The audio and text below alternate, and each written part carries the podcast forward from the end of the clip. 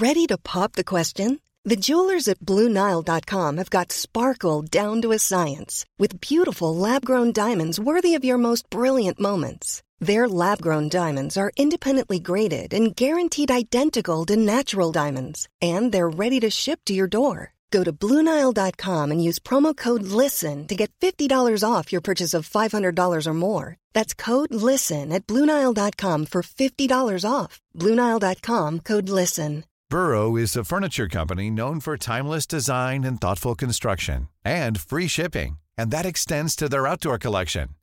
Their outdoor furniture is built to withstand the elements, featuring rust-proof stainless steel hardware, weather-ready teak, and quick-dry foam cushions. For Memorial Day, get 15% off your Burrow purchase at burrow.com slash ACAST and up to 25% off outdoor.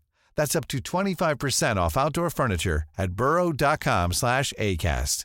I'm Sandra, and I'm just the professional your small business was looking for. But you didn't hire me because you didn't use LinkedIn jobs. LinkedIn has professionals you can't find anywhere else, including those who aren't actively looking for a new job but might be open to the perfect role, like me. In a given month, over 70% of LinkedIn users don't visit other leading job sites. So if you're not looking on LinkedIn, you'll miss out on great candidates like Sandra. Start hiring professionals like a professional. Post your free job on linkedin.com/people slash people today.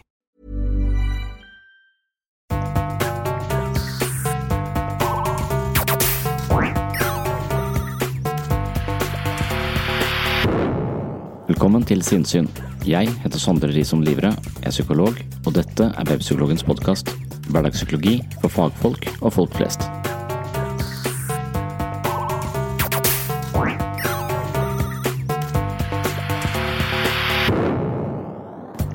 Velkommen til en ny episode av Sinnsyn. 8. juni var jeg i Kragerø på Filosofifestivalen. Det er tredje gang jeg besøker festivalen, og jeg trives like godt hvert år. Det er et fantastisk arrangement i en liten, koselig by. Temaet for årets festival var løgn, og tittelen på mitt foredrag var Elefanten i hjernen. Lille Pinocchio er en ramp med dårlig impulskontroll og løgn som letteste utvei. Han vil bli en ekte gutt, og det ligger i kortene at det kreves sannferdighet. Vi lyver for å manipulere, kompensere og kontrollere, og de fleste som har studert løgn, er enige om at løgn er kongeveien til kaos. Psykisk sunnhet handler mye om å være oppriktig, men det krever at vi våger sannferdighet. Vi kan tilstrebe å snakke sant til andre, men Freud kunne fortelle oss at vi ofte lyver for oss selv. Og det er elefanten i hjernen. Velkommen til Filosofifestivalforedraget 2018.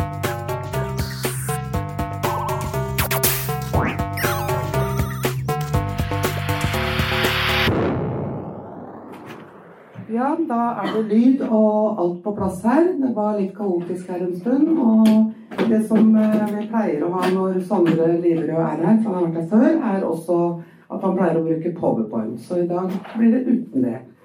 Eh, Jeg skal ønske velkommen til eh, publikum som eh, bruker denne fine ettermiddagen til å komme inn her for, på Filosofifestivalen. Og en praktisk opplysning først. Det er kanskje noen av dere som skal på teater i Løkka etterpå. Og da står det i programmet at det begynner klokka sju, men eh, det betyr at lokalene åpner klokka sju, og teatret begynner 19.15. Så dere trenger ikke å reise dere opp og løpe herfra før det er ferdig her. Eh, Sondre Risholm Liverød er psykolog og spesialist i klinisk voksenpsykologi. Og jobber som terapeut og teamleder i Kristiansand. Han har også ansvar for en nettside som heter Webpsykologen. Og han har gitt ut flere bøker, og bøkene hans, eller to bøker, som er utstilt bak her, som dere kan se på når foredraget er ferdig, og eventuelt kjøpe. Foredraget i dag heter 'Elefanten i hjernen' og handler om barn. Temaet er jo sannhet og løgn, og når begynner barn å lyve? Eller lyver de? Det får vi vite mer om. Ja, jeg pleier alltid å åpne med å si hvor Jeg er ikke nervøs i år, da. Eh, Det var løgn. Eh, Nå er jeg blitt satt ved sånn eh, skolepult fra 50-tallet. Og føler at dette er en type muntlig eksamen. Og så hadde jeg lagd så masse fine powerpoint, masse bilder og greier, eh, som dere ikke får se, da. for det var ikke noe, noe utstyr her. Vær litt høyere. Eh, ja. Alderen, da. Sprengte ørene våre i stad. Yes, så det, jeg eh, skal snakke om løgn. Skal snakke om eh, litt utviklingspsykologiske perspektiver på løgn. Og så var det en som spurte meg for litt siden om, om han så at jeg skulle hit og snakke om løgn. Og sånn, det er vel ikke noe du holder på med til vanlig, på en måte? Å, å lyve? Eh, og, eller det er, det er ikke en del av jobben din, sant? Det dette er noe du gjør på sida. Og så har jeg tenkt på det siden eh, forrige gang jeg var her i fjor, da, for da visste jeg at temaet skulle være løgn. Uh, og når det kommer til stykket, så er egentlig uh, løgn noe jeg driver med hver eneste dag. Uh, det å være psykolog handler om å ikke lyve. Det som skiller meg som privatperson og det å være psykolog, er at jeg lyver mye, mye mer som privatperson.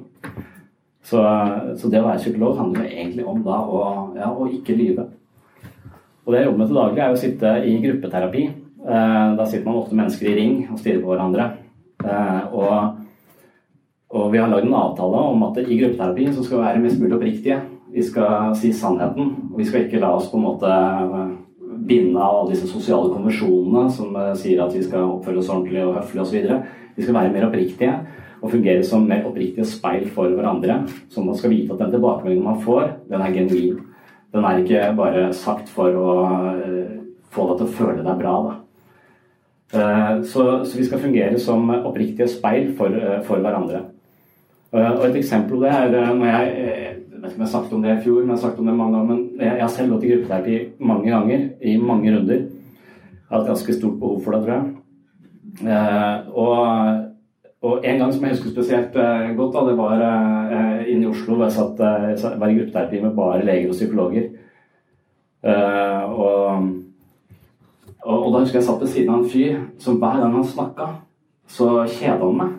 Altså, han, han var han, han var, det var det jeg kalte han den kjedelige mannen. Det sa jeg ikke til ham, da. Det tenkte jeg inni meg. Eh, og så er dette at vi hadde eh, Så hver gang han åpnet og skulle si noe, så, så, så følte jeg bare jeg falt ut. Eh, jeg klarte ikke, ikke å følge med. Og da begynte jeg å tenke på dette, hva er det vi driver med her? Jo, i gruppeterapi så er man både terapeut og, pasient samtidig. Da var jeg på en måte pasient, så det var en del av utdannelsen. Men, men i gruppeterapi så er det min oppgave å gi andre mennesker fortelle hvordan de faller ned i mitt hode. Og det samme skal de gjøre med meg. De skal fortelle meg hvordan jeg faller ned i deres hode. Og sånn skal vi på en måte få et større perspektiv på oss selv. Det viser at 95% av det som foregår inni oss, er ubevisst. Så alt det vi driver med, som vi tror vi vet hvorfor vi gjør, det vet vi ikke hvorfor vi gjør. Det er på en måte elefanten i hjernen. Eh, Så når han da snakket, og jeg falt av hele tiden, så tenkte jeg jeg er nødt til å si det til ham. Eh, Og det er det som skiller gruppeterapi med livet der ute. Hadde, hadde jeg møtt han der ute og hadde kjeda meg, så hadde jeg ikke sagt noe om det. Jeg hadde bare jatta med. Jeg hadde til og med kanskje sagt 'oi, så interessant'. En løgn. Men jeg hadde liksom tatt meg sammen, for jeg er godt oppdratt. ikke sant? Så jeg, så jeg vil gjøre mitt eh, beste. Jeg vil ikke at andre skal føle seg dårlig heller. Så da hadde jeg sannsynligvis løyet. Men i gruppeterapi så gjør jeg ikke det. Og da må jeg si at vet du hva, nå prøver jeg å høre etter hva du sier. Og det du sier, er interessant. Han gir interessant informasjon, denne mannen. Så når jeg hører etter innholdet i det han sier, er jeg for så vidt interessert i. Det er interessant informasjon. Men likevel så faller jeg av. Og det, det, det interesserer meg. Og, og, og det på, på en måte syns jeg er litt sånn er litt synd for ham. For jeg føler han fortjener bedre. Han fortjener vår oppmerksomhet, han fortjener min oppmerksomhet når han forteller noe som er viktig, eh, viktig for ham. Eh, og, og, da sier jeg at vet du hva, når du snakker, så, eh, så faller jeg ut. Jeg vet ikke hva som er, men det er et eller annet som foregår her som gjør at du sier interessante ting som, bare, eh, som, som, som jeg ikke får med meg. Og da er det jo gruppeterapi, så vi har åtte andre mennesker vi kan eh, få en opplevelse av. Hvordan opplever dere denne, eh, denne mannen? Og da sier de fleste at du, Sondre, du er så jævlig selvopptatt, så du gidder aldri høre på andre. Så det er nok derfor. Så det må du ta på din kamp. Det kan hende det stemmer. Eh, Så det jobba jeg en del med. Eh, Men så var det også en del som sa at jo, jeg skjønner hva du mener. Det er litt vanskelig å følge med. Og når han selv snakka om det, så han ja, eh, jeg opplever ofte når jeg er ute i verden også, at jeg mister folks interesse. Som om det, liksom, jeg må jobbe hardt for å beholde folks interesse. Så det du sier er ganske interessant. Og i psykologi så tenker vi at det, på en måte fortiden vår er med oss i nåtiden. Så det er et eller annet som vi begynte å tenke hva er det med denne mannens eller han begynte å tenke selv, hva er det med min fortid, hva er det med min historie som gjør at jeg har blitt en kjedelig mann? Han er ikke en kjedelig mann, det sånn uh, satt på spissen, ikke sant. Så, uh, og da fortalte han om en oppvekst i en sånn veldig pietistisk, veldig sånn strengt religiøst miljø, hvor det å le og det å gråte var like forbudt begge deler. Man skulle på en måte ikke føle noe særlig. Så det var som om han tenkte seg at han hadde kutta av alt som hadde med følelser å gjøre, og bare snakket fra hodet hele tiden. Han var sånn superrasjonell, og han snakket bare fra hodet eh, hele tiden, og farget på en måte ikke det han sa med følelser. Og jeg tror veldig mye av det vi kommuniserer til andre mennesker, handler om kroppsspråk. Det handler om vår engasjement i det vi sier. Det handler om følelser. Og hvis du kutter ut følelsene i det du forteller andre mennesker, så vet ikke de hva de skal føle. Og da vet ikke hvordan de skal henge seg på. Og da blir det dødt. Da faller det til bakken, eh, på en måte. Så han mangla sånn vitalitet i dette her. Og for han så ble denne sannheten om at han var kjedelig Jeg sa ikke kjedelig, for jeg er ikke, jeg er ikke psykopat, på en måte. Men, men, eh, men, jeg sa bare at jeg faller, faller litt ut, da. Eh, og da ble det viktig for ham, og Hans prosjekt i gruppeterapi ble da på en måte kjenne mer etter hva er det jeg føler for det jeg sier. Og så prøvde han å ta det med seg i det han formidlet til andre. Og etter hvert så fikk han en annen kvalitet. Det var lettere å følge ham, det var lettere å være interessert, det var lettere å se kroppsspråk øh, Han levde seg inn i det, og igjen helt annen tilbakemelding enn det han hadde når han bare snakket fra hodet. Eh, litt sånn som Vidar Theisen formidler. Han formidler ikke godvær med entusiasme når han dør. Men, eh, men, det er et eller annet med at det er helt nøytralt, på en måte. Så, eh, så det Så det, det, var litt sånn og, Oi.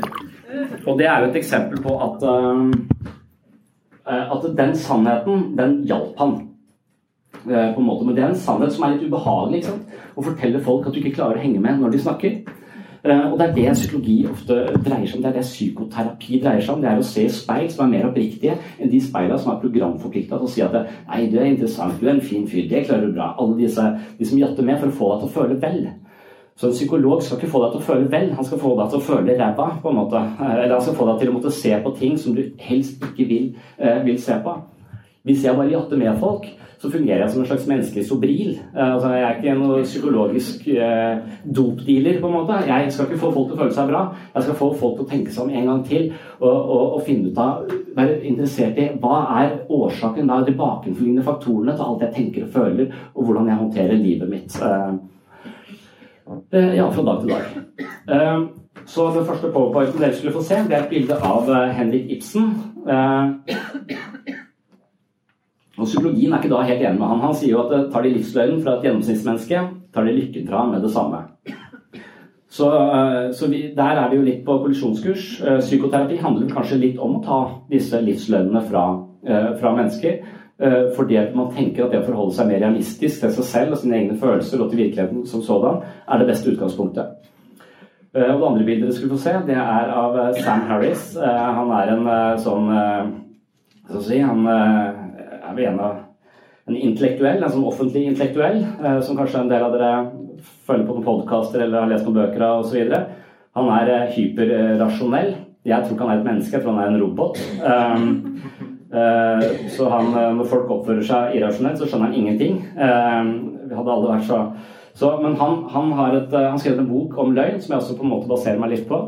Og han sier at løgn er på en måte kongeveien til kaos. Så det er en slags eh, parafrasering av Freud, nærmest, eh, som Freud sier at ja, eh, drømmer er kongeveien til det ubevisste. Så sier Sam Harris at løgn er kongeveien til kaos. Så Sam Harris han er at vi skal fortelle sannheten uansett hva. Eh, så han har forplikta seg til å fortelle sannheten. Han gikk på et sånt kurs som heter Ethical Analyst, eh, hvor han eh, sparra med en professor. og Hele kurset dreide seg om å finne situasjoner hvor man tenkte her er det godt å lyve, her er det lurt å lyve, her er det best å komme med en hvit løgn for å skåne alle parter. Og Det viste seg at det var veldig mange situasjoner som man i utgangspunktet tenkte det var lurt å lyve i, men som ved nærmere analyse viste seg at det kanskje ikke, eller har en hel del uheldige konsekvenser på sikt. Så han mener at dette kurset som han tok eh, i ungdomstiden sin, han var bare i 20-åra, eh, det på en måte endra hele operativsystemet hans, sier han. Han endra måten han tenker på, og fra det tidspunktet så har han forplikta seg til å være så sannferdig som, eh, som mulig. Så Sam Harris han sier at det er den eneste gangen du egentlig kan lyve, det er hvis du har Anne Frank på loftet og nazistene banker på døra. Da kan du slå ei plate, bare for å, for, å, for å skåne et liv, kanskje. Eh, så der har vi to motpoler. Sam Harris mener at vi aldri skal lyve. Ibsen mener at eh, vi må få ha noen livsløgner. Eh, og, og, selve det jeg har kalt 'Elefanten i hjernen', det er en bok av Robin Hansen og Kevin Simler som jeg var veldig interessert i når jeg ble spurt om å komme hit. Og som jeg var på å lese da. Og så viste det egentlig bare var en, en slags uh, nyversjon av Freud. Jeg følte han kom 100 år etter Freud. For Freud er nettopp kjent for dette. Han sier at det, uh, alt det du opplever rundt deg, alt det du på en måte ser og, og, og føler på, alle dine opplevelser av deg selv og verden for øvrig er filtrert gjennom nevrosene dine. Så du har aldri en objektiv opplevelse av uh, verden eller deg selv. Den er alltid farget. Det er et slags ekko av alt det du har opplevd tidligere, men du tror at det er en slags objektiv uh, sannhet. Så uh, problemet er kanskje at vi kan, når vi lyver for andre mennesker og vet det, så er vi klar over det, men veldig mye av psykologi handler om at vi lyver for oss selv. Vi lyver om årsakene til hvorfor vi gjør forskjellige ting, og vi er ikke klar over det. Så på sett og vis så har vi en syke som, som lyver for oss. Og det beste rådet til en psykolog er at du aldri må stole på tankene eller følelsene dine, og det har vi fra Freud. Og det er også det som kalles da elefanten i hjernen. ikke sant? Uh, vi, vi, kan ikke stole på tankene og følelsene våre, for det er alltid filtrert. Det er alltid på en måte farget av uh, humøret vårt, av uh, blodsukkeret vårt, av alt mulig rart. Fortiden vår, oppveksten vår osv. osv. Så, så når jeg da skulle begynne å eh, forberede meg til å snakke om, eh, om løgn, så googla jeg det også. Det gjør alltid. Eh, jeg visste at jeg hadde en del utviklingspsykologiske teorier jeg kunne snakke om. Syntes de kanskje var litt kjedelige, så jeg tenkte det fins noe spenstigere på nett. Og da kommer du over en artikkel fra januar i år, 2018, skrevet av Alex Stone i New York Times, som sier at Is a child lying to you? That's good. Eh, det synes jeg det var den jeg klikka inn på. Jeg klikka ikke inn på den andre. Altså, Lyver barnet ditt, så er det bra. Eh, jeg har opplevd at jeg har tre barn, eh, og de to av de lyver stadig vekk. Og jeg har tenkt på det som en dårlig ting, men nå viser det seg at det er en god ting. Så det, det ble jeg glad for. Og den artikkelen den sier at barn helt ned i to års alder lyver. Eh, den tar for, seg, eh, tar for seg en studie, bygd på en studie fra 80-tallet, som jeg sjekka litt opp, eh, hvor, hvor, de har et forsøk med en hel haug av barn. Hvor de setter inn i et rom, og så sier de bak deg så er det en leke som er gjemt bak et, et sånt lerret. Når jeg går ut nå, så må du ikke kikke på den leken, for det får du ikke lov til. Og så går forsøkslederen ut av rommet, og da vil nesten alle barn kikke, smugkikke på den leken. Etter ganske kort tid. Helt ned i to års alder så vil de da snu seg og kikke hva er den, hva er den leken for noe. Eh, og eh, samtidig så sier denne studien at eh, når forsøkslederen da kommer tilbake igjen og spør kikka du på leken, så sier de fleste barna nei. Og da er det én av, tre barn i to år vil lyve om de har kikka eller ikke. Og når det er tre år, så er det 50% halvparten av barna vil lyve om det. Fra fire år så vil 80% av barna lyve om de har kikka på leken eller ikke. Så etter hvert som barna blir eldre og eldre, så lyver de mer og mer, for de blir smartere og smartere. Det er vel ideen i denne eh, studien. Det kan du eh, ta for deg og, eh, og se på svakhetene ved. Og det er sikkert en hel haug av, av, svakheter deg. Det er litt morsomt å, å, tenke på den måten. Eh, så eh, det de da videre finner ut av, er at de eh, små barna, hvor én av tre lyver, altså, de barna som da lyver i veldig tidlig alder, de har en høyere verbal IQ, bedre eksekutivfunksjoner og bedre theory of mind. Eh, så dette her er smarte, små jævler på en måte, som, som lyver. Eh, og, og da, denne studien går videre sier at ok, så hvis barnet ditt lyver, så er det fordi det er smart. Theory of mind betyr at barn forstår at andre mennesker også har et sinn som jeg kan manipulere. Og det er en ganske sånn avansert uh, operasjon. Barn uh, i toårsalder pleier å være ganske egosentriske uten å ha noen sånn forståelse at mitt sinn er noe annet enn den andres, og andre har behov osv. Men disse barna har klekt ut at oi, andre mennesker tenker, og jeg kan lure tankene deres ved ikke fortelle dem sannheten. Så det, det, er, det er, jo ganske eh, intelligent. At de har ti poeng høyere verbal IQ, det er litt sjokkerende, eh, syns jeg. Men kanskje det hører inn i det samme. Og eksekutivfunksjoner, det ligger her oppe i frontallappen, og det handler på en måte, Det er dirigenten i hjernen. Da. Det er den som på en måte har overblikket og overstyring og har den gode eksekutivfunksjoner, så er det også rimelig oppegående. Du kan kontrollere deg selv, du kan forstå ting, du kan tenke mer avansert. Da. Eh, så de barna som da lyver, de, har, de, er, de er smartere, rett og slett. Og så står det litt lenger nede i artikkelen at eh, hvis du har barn som ikke lyver, så ikke fortvil. Du kan bare lære dem å lyve, så blir de smartere. Og da tenker jeg, ok, Jeg har en sønn på, sønn på fem år.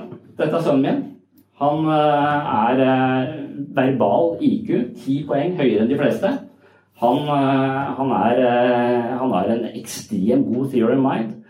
Han har eksepsjonelle eksekutivfunksjoner Og han er en patologisk løgner på grensen til psykopat. Så det er uh, ulempen, da. Så du kan ha en psykopat som er gjerne smart. Eller så kan du ha litt dum en som litt, har litt mer empati. Uh, så det, det, viser disse, disse studiene. Og så viser det også at, at det også, du kan faktisk også fremskaffe ærlighet i et barn ved å lage verbale avtaler med dem. Så selv om du ikke forstår ordet å love, kan du love meg at du ikke gjør det, så vil de likevel, hvis de har en en verbal avtale om noe, så vil de fortelle sannheten i større grad. Du kan også kjøpe sannheten fra barn. Det koster åtte dollar, sto det. Eh, så du kan få folk til å snakke sant for åtte dollar. Eh, så der har vi et dilemma. ikke sant? Vil vi ha smarte barn eh, som lyver, eller vil vi ha ærlige barn som ikke er så smarte?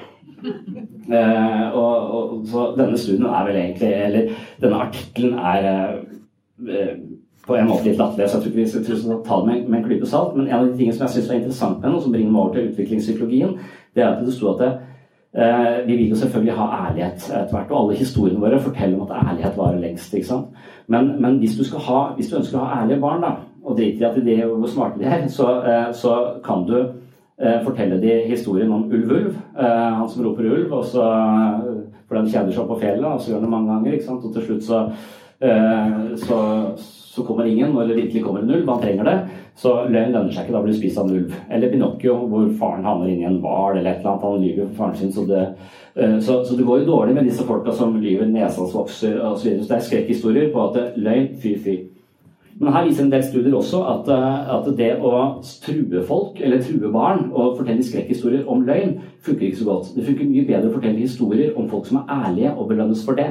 Så belønning fungerer bedre enn straff. Det, en måte, det er det pedagogiske paradigmet vi, vi kjenner til. Eh, på en måte. Og Det bringer meg over til eh, den første sånn utviklingspsykologiske teorien jeg vil snakke om i forhold til, forhold til løgn. Eh, det er en sånn postfreudianer. En fiende av dattera til Freud, Anna Freud, Melanie Klein. De to var konkurrenter. Og Melanie Klein hun har en teori om at små barn befinner seg i noe hun kaller en paranoide, schizoide posisjon. Eh, og Det betyr at eh, små barn har, lever i en sånn type fantasiforestilling som er litt sånn fiendtlig anlagt. Og barn har en idé om at hvis det skjer noe vondt med meg, hvis jeg får vondt eller får en form for smerte, så er det din feil.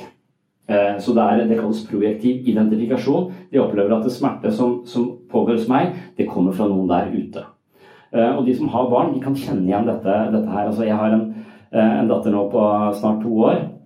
Og så sitter hun med sånn brio-greier så driver og hamrer ned sånne knotter i en sånn plate. Eh, og så snur han, og så hamrer hun ned fra andre sida. Men plutselig kommer hammeren rett i panna hennes. Bang! Og så stirrer hun på meg. Og så, og så da, da, ser jeg, Nå veit jeg hva som skjer, for jeg har lest Mengen Klein. Nå tror du at jeg slo deg i huet med hammer, mens du gjorde det sjøl. Og det er akkurat det som sier hun begynner å se på meg, bare, de blikket, og så begynner hun å hylskrike, og så løper hun ut for å finne mamma. Men det var ikke jeg, jeg, jeg, jeg driver og slår deg i huet med en hammer, er du gæren?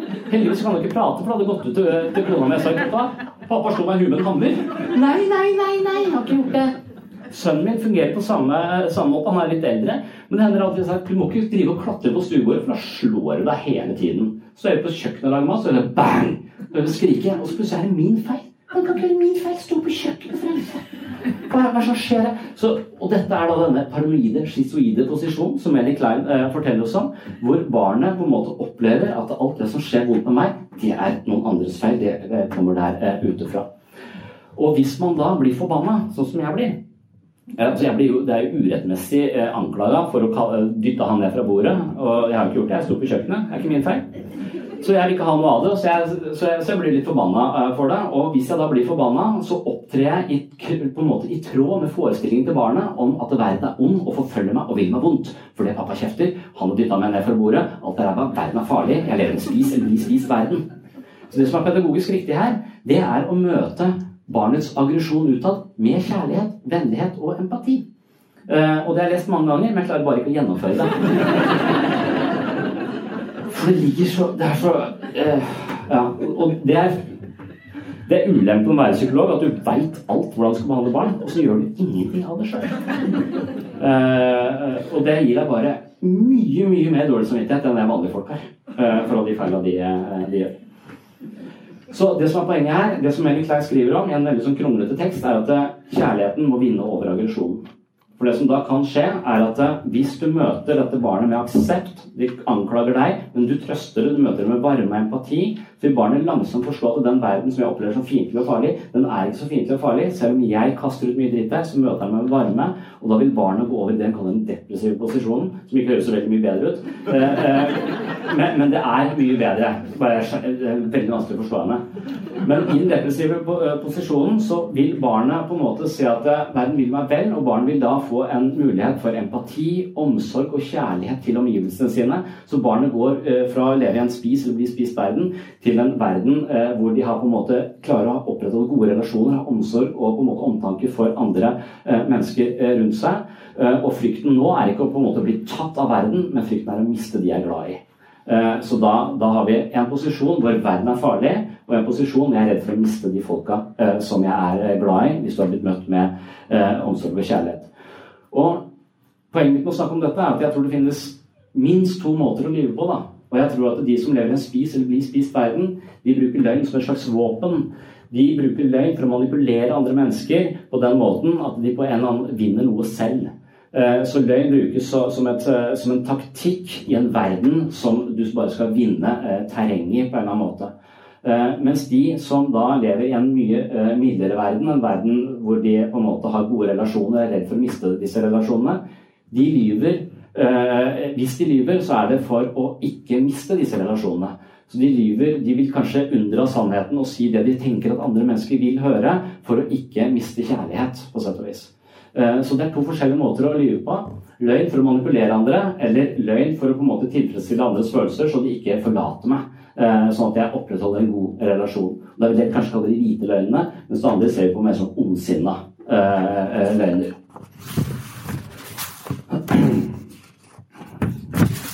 Er nå jeg hadde tenkt meg powerpointen mest av alt.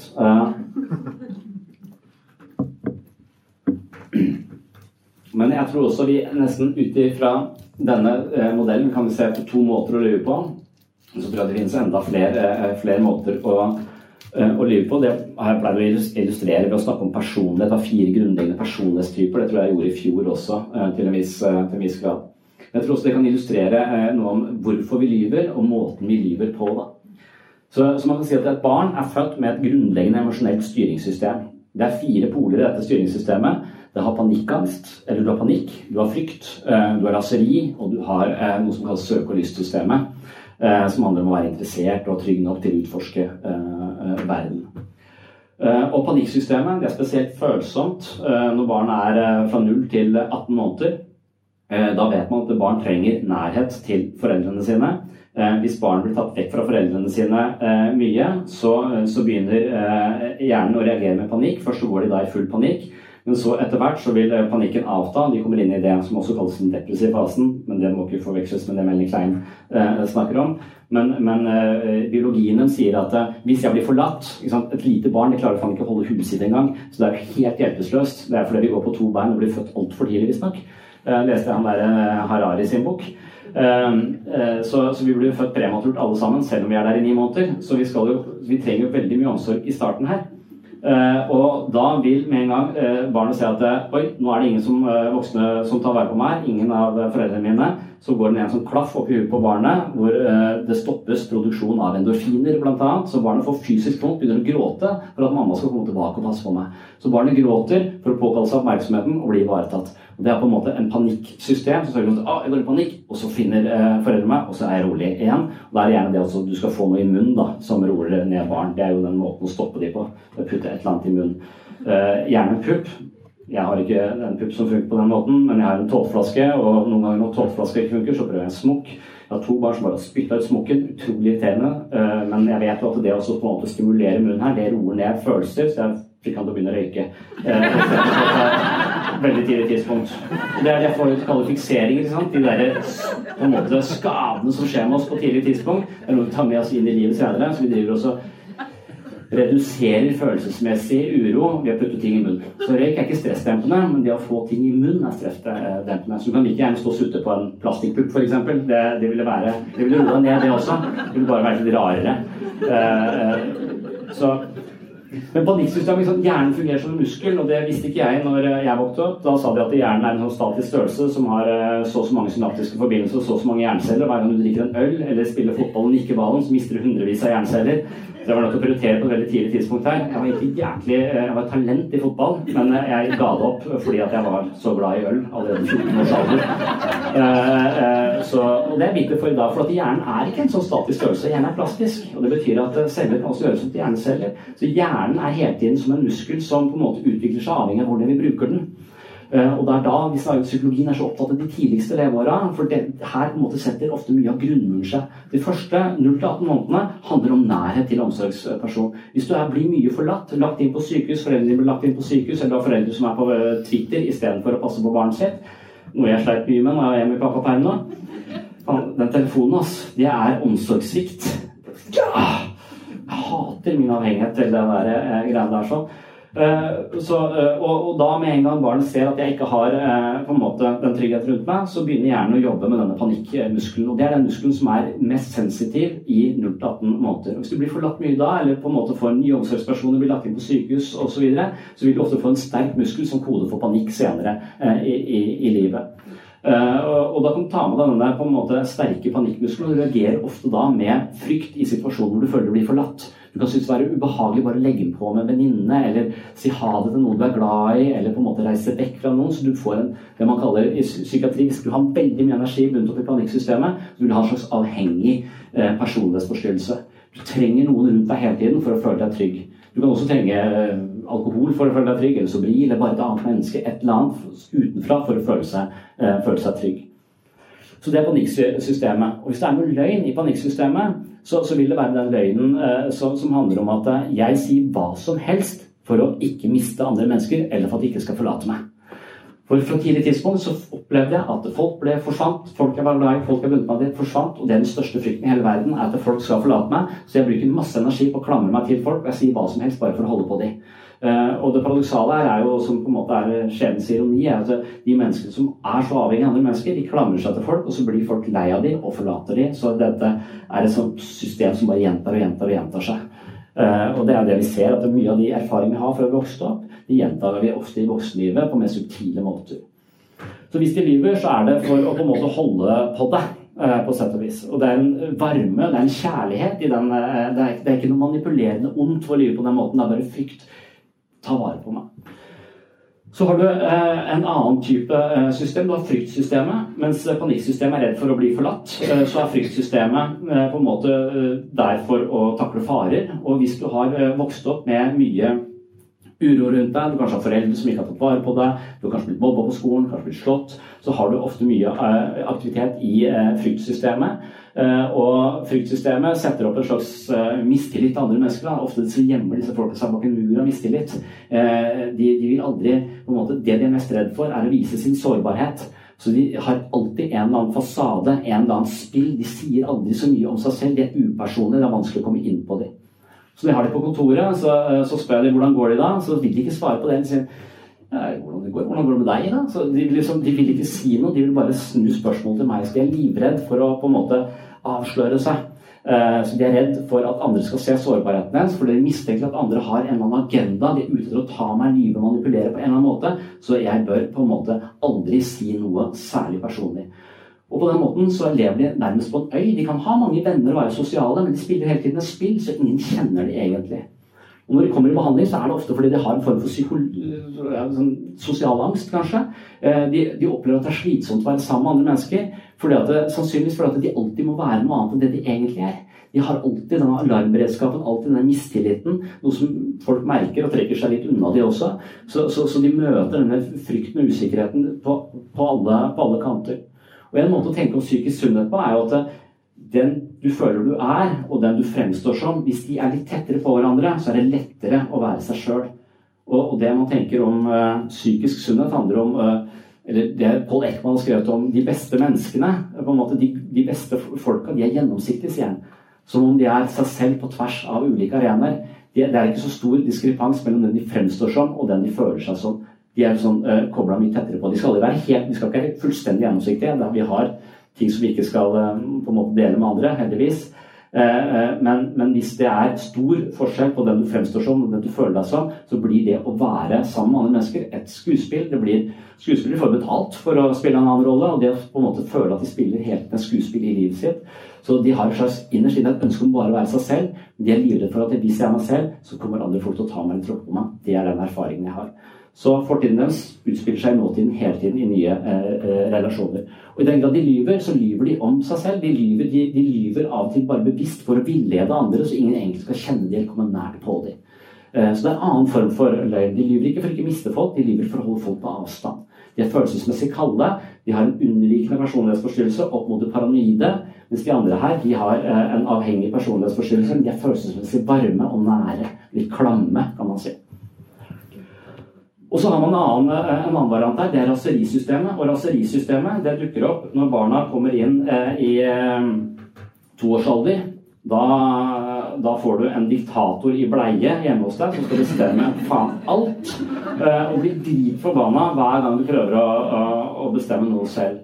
Eh, og det forklarte Freud for analstadiet. Eh, det handler om statusorientering. Det er jo sånn at katter driver og bæsjer rundt for å markere at dette er mitt. Uh, disse små diktatorene bæsjer i bleia si, heldigvis, men, uh, men, de skal bestemme uh, alt. Og det handler om å finne sin plass i, i, i, flokken. Og da vil de prøve å bestemme alt. Og hvis du da lar lille, dette lille mennesket på to år med bleie få rollen som administrerende direktør for familien AS, og skjønner at bare jeg skriker høyt nok, så får jeg det som jeg vil. Hvis du aldri møter dem med noe som helst motstand, så risikerer du at de heller ikke kommer på en måte, Det å vokse opp handler om å lære seg å innta andre menneskers perspektiver. Forstå at du er ikke den eneste i denne verden. Det handler om å ikke bare være egosentrert, men også forstå at vi har andre folk vi også må ta hensyn til, og som jeg må være snill mot for at de skal være snill mot meg. Vi har et system her. Men hvis du opplever at du bare kan skrike ut og få det som du vil, så er det ikke sikkert du møter en motstand som skal til for å ta hensyn til andre mennesker. Og da er det for mye energi i raserisystemet, og vi får en sånn type narsissistisk dyssosial personlighetsforstyrrelse som bare gjør akkurat som, uh, uh, som han vil. Og tegn på dyssosial personlighetsforstyrrelse er at man parkerer på steder hvor det ikke er lov til å parkere. Det gjorde jeg i stad. Det sto 'reservert Kragerø kommune' fram til klokka seks. Sånn. Så, eh, eh, så når, eh, når, disse som da bare tenker Da får du en opplevelse at mens av den avhengige tenker 'jeg er ikke ok', men du er ok. Har stor tro på andre. Den unnvikende tenker 'jeg er ikke ok', har ikke noe tro på seg selv, men har faen ikke noe tro på andre mennesker heller. Og så har du denne med raserisystemet som bare tenker at 'jeg får det som jeg vil, bare jeg skriker høyt nok'. Da tenker de 'jeg er ok', dere er ikke ok. Jeg driter i dere, jeg gjør sånn som jeg vil. Og når de lyver, så er det en ondarta løgn. Den for å manipulere andre til egen vinning. Eh, og det er det vi kanskje tenker på som, eh, som løgn. Men så har du også dette søke- og lystsystemet. Så hvis barn er trygge nok, og ikke har masse energi begynt opp i frykt, panikksystemer, men er trygge nok, blir møtt på en god måte, forstår at jeg er ok, og tenker at andre mennesker er ok, så får du en grunnleggende psykologi som sier jeg er ok, og du er ok. Du har mye energi i søke- og lystsystemet. Du har på en måte, du føler deg trygg nok, og din på en måte oppvekst har uh, hatt mye rom til å søke ut mot verden, være interessert, finne ut av hva liker jeg, hva liker jeg ikke, hva syns jeg er spennende. Med en gang barn føler seg utrygg, så er de ikke opptatt av hva som er spennende og hvem jeg er, og på en måte søke ut og skape mening i livet sitt. Da er det bare eh, fokusert på å skape trygghet i familien. Så hver gang vi gjør mennesker utrygge, så på en måte stagnerer vi også utviklingen deres, spesielt på, i barneåra og i skole, skolealder. Så jeg snakker om dette med folk, om mobbing osv. Det er jo giftig å mobbe. Når du mobber folk, så, har, så, vil de hele tiden ha masse energi rundt opp i fryktpanikk, og de vil ikke lære noen ting, de vil ikke bli interessert i noe. Og det er det vi trenger. Alle eksistensfilosofer sier at vi er dømt til å skape mening i eget liv. Vi er nødt til å være interessert vitalt til stede i livet vårt. Det krever at vi er trygge nok eh, i, i, utgangspunktet. Så de som da har denne psykologien som på en måte har trygge nok, som tenker 'jeg er ok, du er ok', de vil, eh, hvis de lyver, så er det fordi de kommer mellom barken og ben, tror jeg. Du kan ha en leder sant, som tenker at 'jeg har mange gode perspektiver', 'dere har mange gode perspektiver', alle må få lov til å si litt om hva de føler om denne saken. Eh, men det å da bestemme at de skal gjøre sånn eller sånn, det føles på en måte som å tråkke på noen, og det vil ikke disse folka gjøre. De liker jo alle. De kan være som, ha sånn beslutningsvegring. Så når du er på møter med sånne ledere, er en sånn leder, så varer personalmøtet i tre dager, og alle anses som vellykka hvis alle får sagt litt om hva de føler om saken, men ingen klarer å bestemme oss for hva vi skal gjøre. Og Da sitter noen der og stikker kniv i låret av ren kjedsomhet. Eh, på en måte. Eh, så, og, og når du konfronterer disse veldig vennlige menneskene, så vil de nødig skuffe deg. ikke sant? Men de vil også, så de kommer av og til i sånne situasjoner hvor de kommer med små hvite løgner for å komme seg unna, så alle føler seg bra nok. Ja. Og da eh, hadde jeg masse artige bilder på, som jeg hadde i fjor også, på, på hvilke, hva slags personlighetstyper dette er. Men, men jeg er ok, du er ikke ok. Jeg driter i hva andre mener og tenker at jeg har eh, det riktige svaret. Der er i hvert fall bildet av Donald Trump som jeg her på, eh, på folderne mine. Ja. Og så En annen måte å belyse løgn på det jeg handler om det psykiske forsvaret vårt. og Det har jeg også snakket om her, her tidligere. Men akkurat som kroppen har et, et fysisk immunforsvar, så har vi også et psykisk immunforsvar. Og har identifisert nærmest sånn 30 forskjellige forsvarsmekanismer vi bruker. Og Det psykiske forsvaret skal ikke beskytte oss mot virus og, og, sånn som det fysiske skal. Det opererer i bakgrunnen, det er ikke bevisst eh, nødvendigvis. Men det er, det er, der for å sørge for at vi ikke på en måte tar inn over oss følelser som ligger over terskelverdien for det vi orker. Så det psykiske forsvaret på en måte holder sterke følelser på avstand, sånn at vi ikke lider, psykisk sammenbrudd. Men det betyr også at når vi ikke kan på en måte ha et realistisk forhold til våre egne følelser eller virkeligheten, så, så prisen vi betaler, er da ofte en forvrengt oppfattelse av virkeligheten for å beholde psykisk balanse. Så man kan se på psykisk sunnhet som evnen å tåle og forstå følelsene sine. Selvutvikling f.eks. vil, vil ikke handle om å bare få det jækla mye bedre og smile mer. Det vil handle om å tåle og føle mer. Det vil handle om mer sorg og mer glede. på en måte, Og evnen til å håndtere disse følelsene. Spille på flere strenger. Tåle flere følelser. Det psykiske forsvaret, hvis vi har ø, vokst opp i et, ø, på sånn som han kjedelige mannen f.eks. Altså det å føle ble ansett som uegna, og kanskje du ble litt dum, eller du ble sett litt ned på, eller du fikk kjeft hvis du følte noe, så, så, så, kan du ha et lite rom, en lite toleranse for, uh, for følelser. Da må Forsvaret jobbe ganske hardt for å holde disse uh, kreftene på, uh, eller disse følelsene på, på avstand. og så det å forstå følelsene dine, snakke om følelsene sine, det er sånn gjennomgangstema i, i, i psykologi. Og, når jeg skulle på en måte forberede meg til dette, så hadde jeg akkurat lest den der boka til Jordan Peterson, som er en sånn gæren eh, psykolog som opererer på, på YouTube, blant annet. Og jeg vet ikke, Det er et eller annet med den YouTube-filmen min for tiden som tar meg i et sånt svart hull. Jeg, hver gang du har sett på en som er litt ute på høyresida, så, blir så, så nå føler jeg jeg må bare prøve å restarte hele greia. For nå, nå er jeg på vei ned. Jeg får noen meninger som jeg ikke helt kan stå inne for. Men Jordan Peterson er litt sånn i grenseland. da, Han har skrevet en bok som er sånn toppselger uh, akkurat nå, som heter uh, 12 Rules for Life, An Antidote to Chaos. Og det Han forteller i denne boka, han er veldig opptatt av mytologi. Han blåser litt liv i Jung, og det liker jeg, for jeg var veldig opptatt av Jung. Og jeg syns også Bibelen er interessant, som han også eh, på en måte får en renessanse gjennom Jordan Peterson, nærmest. Og En av de fortellingene han snakker om, det er Billy og dragen. Eh, og Det er en sånn barnefortelling som, eh, som sier at there's no such thing as a dragon. Uh, og Det han da uh, forteller om denne Billy, er at uh, Billy våkner om morgenen, så sitter en drage på, på senga hans. For så vidt ganske liten og søt, så det gjør ikke noe. Men etter hvert så begynner den dragen å spise opp pannekakene hans og oppføre seg ganske ufordragelig. Så Billy begynner å si til mannen du, det er en drage her, dette, dette, liker jeg ikke. Og så sier bare moren nei, drage fins ikke. og hver gang hun sier drage fins ikke, så blir dragen litt større. Og litt større og litt større. Eh, og etter hvert så går hun moren rundt, men hun vil ikke se dragen, så hun driver og støvsuger under dragen og rundt, og alt tar mye lengre tid. Eh, og til slutt så har dragen vokst seg så stor at den har vokst seg ut av huset, så du får huset på ryggen og stikker av. Så når faren kommer hjem, så er huset borte. Um, og, og, og, da løper faren etter og hopper inn i huset opp på dragen. Og så sier han jøss, det er jo en drage her. Og så ja, det er det jeg har sagt hele tida, sier Billy da. Det er en drage her. Og idet de ser dragen, så blir den liten igjen til den lille skjønne, eh, skjønne dragen. Og så ender fortellingen med at eh, moren spør eh, Billy da om ja, hvorfor, hvorfor tror du at dragen ble så stor? Og så sier Billy kanskje bare vil bli lagt merke til. Og det, det, tror jeg norske folkeeventyr også handler om. Altså, hvis vi finner navn på trollet, hvis vi tar trollet ut i lyset, så eksploderer det. Det er en slags sånn folkevisdom at vi bør på en måte være oppmerksom på de tingene som plager oss, ikke snu ryggen til problemer. Jeg har hatt en sånn drage uh, selv uh, når, jeg, når, jeg, studerte. Så fra på en måte å være hjemme i min trygge hule til å flytte til et annet land og, og studere, så, så, var jeg hadde sånn uh, Hva skal jeg si Jeg hadde angst for konvolutter med vindu. Eh, for jeg visste at hver gang det kom en konvolutt med et vindu, så krevde jeg en administrasjon av mitt eget liv. Jeg måtte inn i en eller annen nettportal som jeg ikke hadde koden til. Og da pleier det å klikke for meg, så derfor så uh, unngikk jeg det. Så jeg la bare alle disse brevene oppå hverandre, og den vokste, den bunken. Og den bunken er en drage. Så den unnvikelsen er eh, dragen. Og den dragen, den tok leiligheten. eh, til slutt, viste det seg. Så da hadde ikke jeg, men Det var ikke det at den helt fysisk forsvant, men jeg hadde ikke nøkkelen lenger. på et tidspunkt, så da tenkte jeg kan bare låne nøkkelen for å hente de brevene som ligger der. Jeg tror jeg er nødt til å åpne de nå. Eh, det er kanskje ikke så dumt. Ja.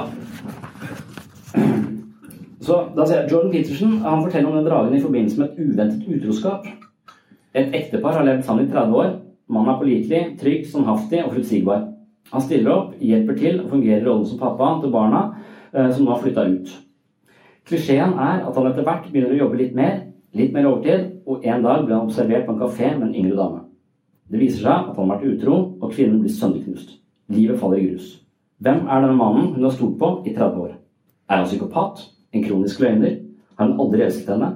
Eller er han bare et offer for en forførende kvinne? Hun vet ikke hvem denne mannen er, og enda verre, nå vet hun ikke hvem hun selv er. Har hun vært naiv? En dårlig kone? Har hun aldri elsket henne? Er alle forhold hun har, falske?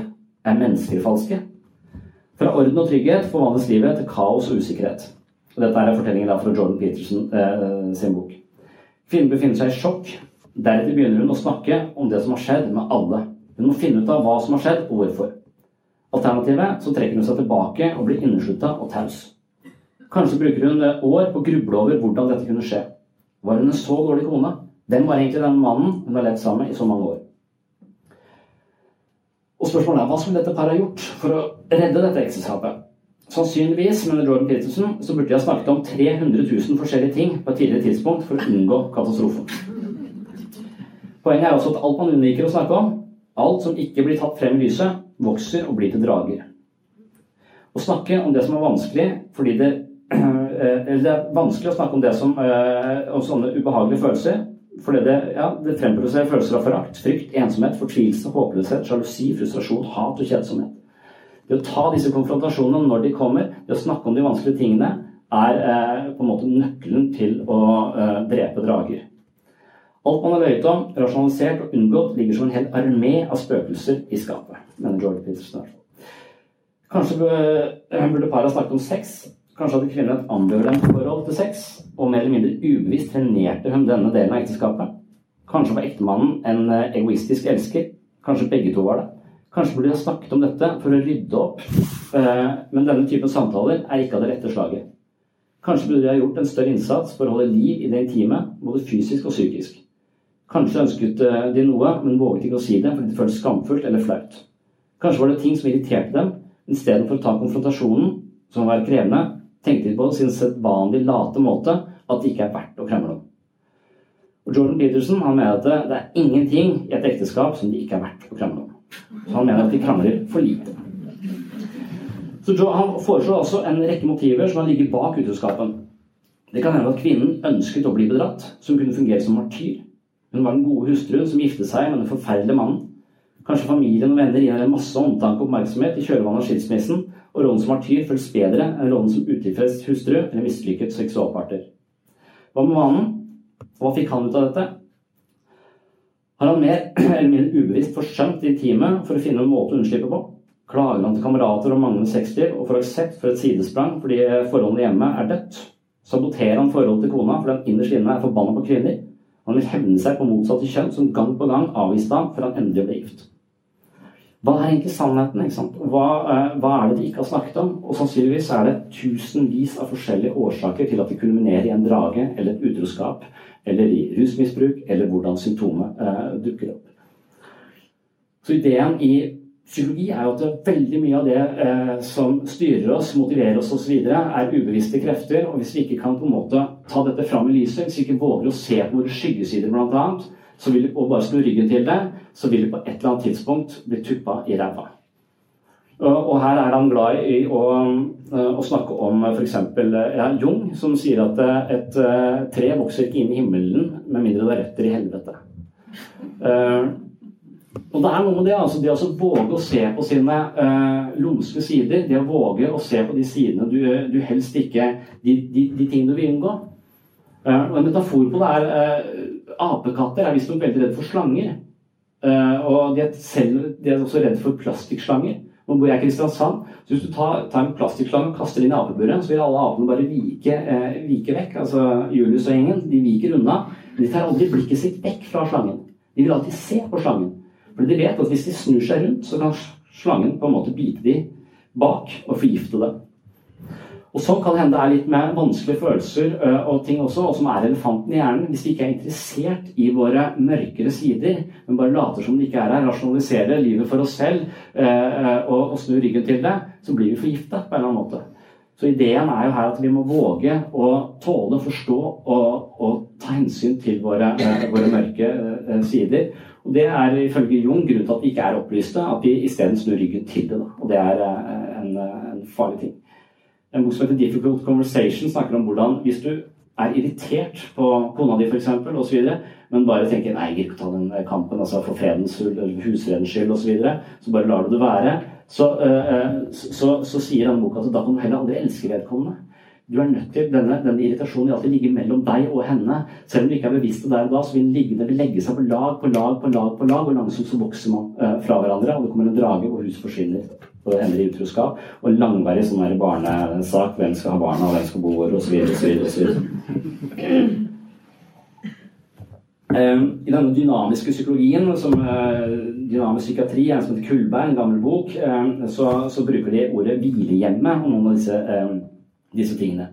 Og Det er sånn, sånn, eh, sånn ting som eh, Hvilehjemmet handler om eh, husstander hvor en av de som bor i husstandene, har en eller har f.eks. slitt med angst. da.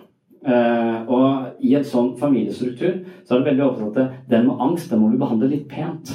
Uh, så, uh, så, folk lister seg litt rundt og krever ikke noe særlig av vedkommende. Og, og vil helst ikke ha noen konflikter, vil helst ikke ha sterke følelser.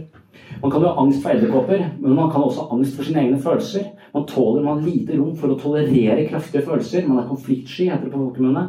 Eh, så når du da på en måte reagerer med overdreven frykt i konflikter eh, med andre, så har du litt lav toleranse for disse konfrontasjonene. Og hvis du da blir konfrontert på en måte, så du, blir du dårligere og sykere. Og da må jo den andre en ta seg sammen, for jeg er jo tross alt, eh, tross alt syk. Og da får vi et slags hvile igjen, hvor vi ikke kan være ærlige overfor den andre.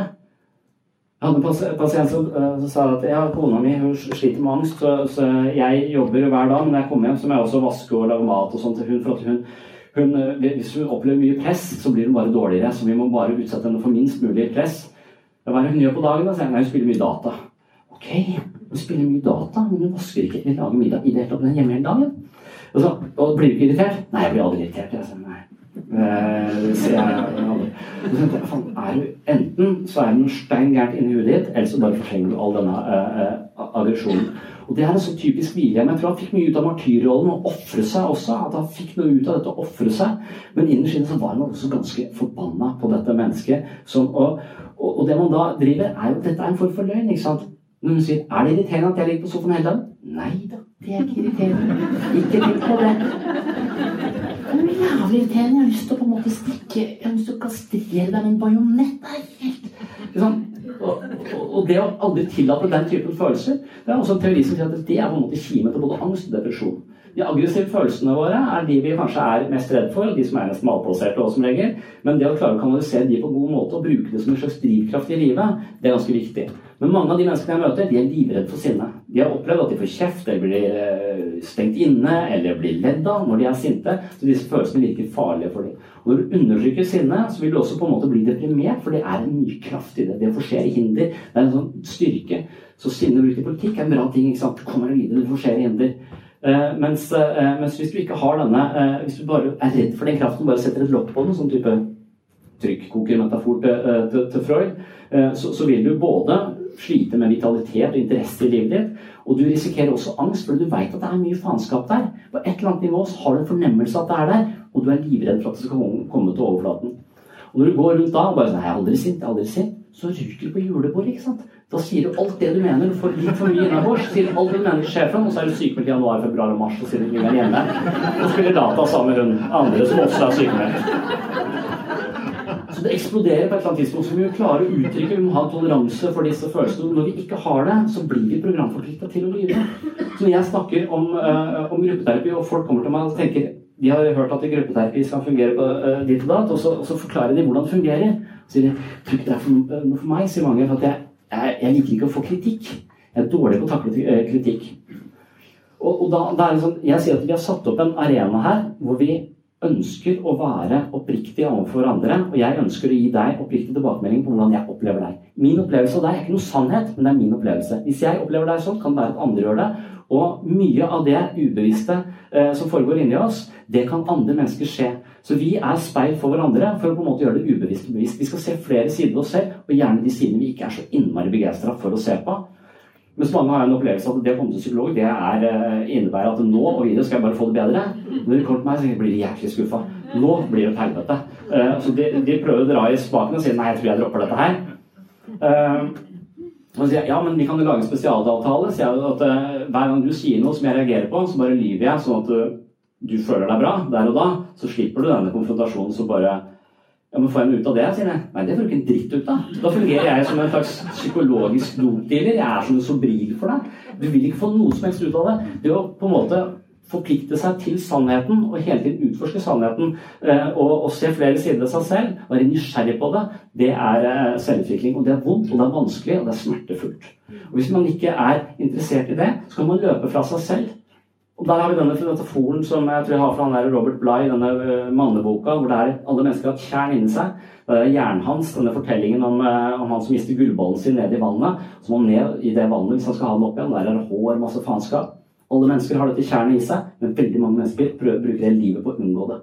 Hvis du ikke går bort til det tjernet og med viten og vilje stuper ned i det, får svømme ned, utforske hva som er der, får svømme opp andre siden og gå videre, så vil du hele tiden leve på en måte i periferien eh, av dette tjernet. Og hvis du kommer for nærme, så kommer en hand opp, trekker deg ned, og det er depresjon. Da kan du ikke svømme. Da er du fanget av det. Du er nødt til å på en måte undersøke de mørke kreftene eh, i deg selv, apropos sånn type jungiansk dybdepsykologi. Fortrengning eh, er en annen mekanisme som får oss til å lyve på en spesiell måte. Fortrengning er en av disse forsvarene som sørger for at det kommer en truende følelse inn. Den følelsen virker uakseptabel, så jeg legger ned i det ubevisste. Og her er dette skillet som Freud delte inn, altså det ubevisste, det forbevisste og det som er bevisst. Det som er bevisst, viser seg at det er bare 5 Alt det andre tilhører da 95 så det er fryktelig mye vi ikke veit om, altså elefanten eh, i hjernen. Eh, og fortrengning betyr at du undertrykker en eller annen følelse men Freuds modell her sier at hvis du da bare babler i vei, så vil, du, vil disse følelsene komme til overflaten. Eller i drømmene så har du ikke disse, dette forsvaret jobber ikke så aktivt, så da vil ofte disse impulsene som ligger i det ubevisste, komme til overflaten. Så kan man tolke drømmene for å få større kunnskap om seg selv. Min, mitt sånn eksempel fra dette her er at når jeg satt i en, eh, en gruppe for litt siden, så er det en dame der. Hun har vært der i et halvt år. Det er ganske lenge. De har sittet sammen åtte mennesker tre dager i uka i et halvt år. De kjenner hverandre ganske godt. Så er det en fyr som heter Geir. Hun klarer ikke å si navnet hans. Hun sier feil navn. Hun har gjort det et halvt år. Geri, sier hun. Giri? Nei, Giri er sjakkspiller. Nei, Geir det er et vanlig norsk navn. Jeg, blir, jeg, blir, jeg, jeg, tror hun har 30 varianter av Geir som har feil. Hun har aldri klart å si navnet hans riktig. Eh, og dette er en jente som også kommer fra et veldig strengt religiøst miljø. Jeg er fra Sørlandet. Det er veldig mange som er eh, fanget i disse, uh, disse dynamikkene. Hun fra før har ikke kunnet eh, tillate seg å være et rom som en annen mann. Uh, alene uten foreldrene, så hun sitter på en måte her og er livredd for dette. Men hun begynner å bli vant til oss. ikke sant? Men, uh, men, og denne mannen som Geir, da, som ikke klarer å sette navn på, han er en ganske flott fyr. Han er ganske sterk. Han er ganske han er ordentlig. Jeg kan skjønne at man blir betatt av han på en måte. Og det tror jeg hun er. Men hun sier at hun misliker ham, hun klarer ikke å si navnet hans konsekvent. Og Der er det helt klart for alle de som sitter rundt at du er fascinert av denne fyren. Du liker han. Du har et eller annet begjær mot denne mannen som du er så livredd for. Og Måten å på en måte holde det unna på, er å ikke huske navnet hans. For hvis du ikke husker navnet hans, så har du ikke noen relasjon til han, og da har han ikke noe med deg å gjøre. Så det å ikke huske navn har ofte, ifølge Freud, ikke bare, det er ikke bare fordi du har dårlig hukommelse, det er en annen psykodynamikk der som du kan være interessert i for å finne ut mer om deg selv. Og når hun da sier at 'jeg liker han ikke', så lyver hun. Men det er ikke en bevisst løgn det er en løgn. Da har hun allerede lyvet for seg selv. Så hvorvidt vi lyver, er, på en skala fra at vi vet at vi lyver, til at vi er helt uavklart hvorfor vi vet at vi lyver. Begynner å nærme slutten her. Omnipotens, et annet forsvar eh, eh så, så, som, eh, som, som, dukker opp. Og, og, det jeg bare har lyst til å si noe om, er, eh, er at omnipotens er en fase i barnet fra 10 måneder til 18 måneder. Da har barnet en omnipotent forestilling om at verden svirrer rundt meg. Bare ved jeg tenker på en pupp, så kommer det en pupp. Eh, jeg tenker ofte på pupp. De kommer ikke. Eh, alltid. Eh, så jeg, og jeg har da fått på en måte krenket den omnipotente forestillingen. Ideen til disse psykodynamikerne og post- postfreudianerne er at hvis du begynner å oppdragelse av barnet eller kreve for mye av barnet fra 10 til 18 måneder her, så så vil du på en måte krenke denne omnipotente forestillingen, stille for sterke krav eller kjefter osv. I denne, denne fasen eh, eh, begynner oppdragelsen for tidlig, så kan det være at denne, eh, det, det omnipotente forsvaret er fordi dette barnet er hjelpeløst, og det trenger denne forestillingen om at det har all makt. Hvis de ikke har all makt, så er de et livsfarlig verden eh, som er altfor stor. Jeg er bitte liten, den er uforutsigbart, og alt dette her, du trenger den omnipotente forestillingen. Blir den krenka for tidlig, så kan denne følelsen av hjelpeløshet og maktesløshet dukke opp på en ganske sånn sterk følelse også senere i livet.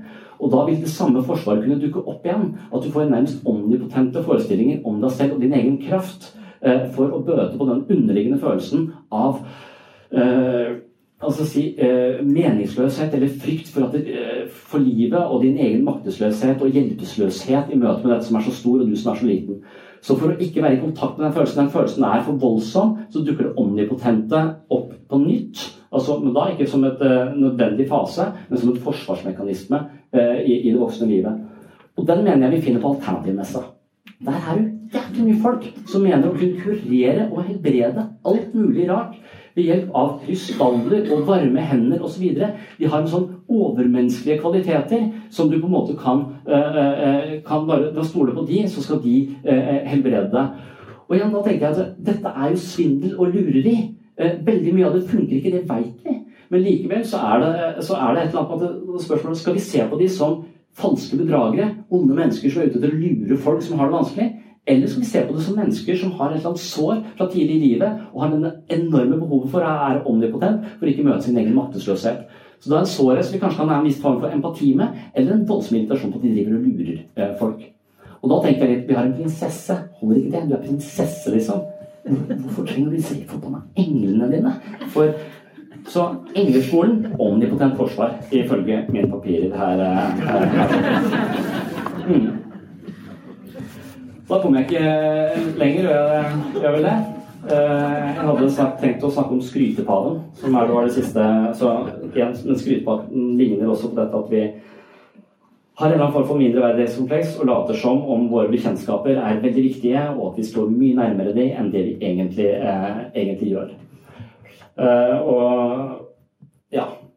Og da, da kaster man seg ned. Ja.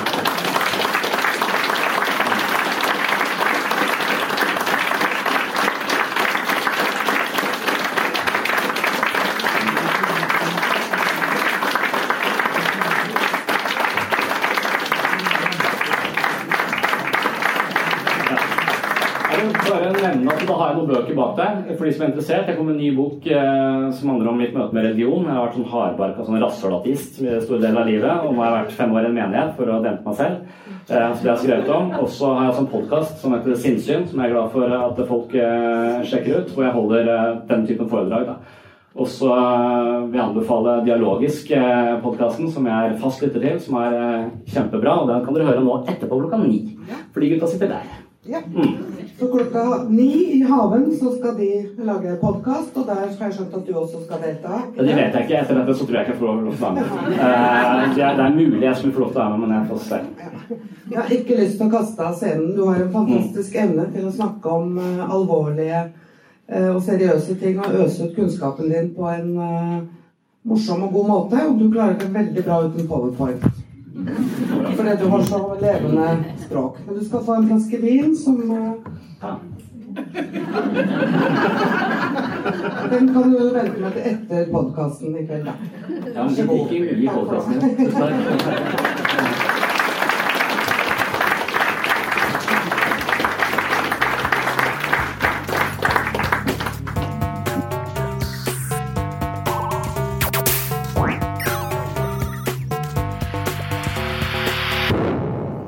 Du hører på Sinnsyn.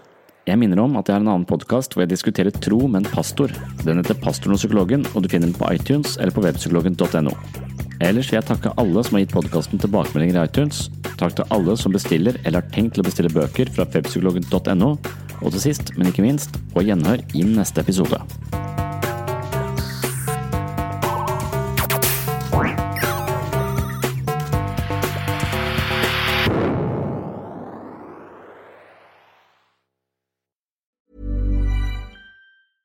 Cool fact a crocodile can't stick out its tongue. Also, you can get health insurance for a month or just under a year in some states. United Healthcare short term insurance plans, underwritten by Golden Rule Insurance Company, offer flexible, budget friendly coverage for you. Learn more at uh1.com. Planning for your next trip?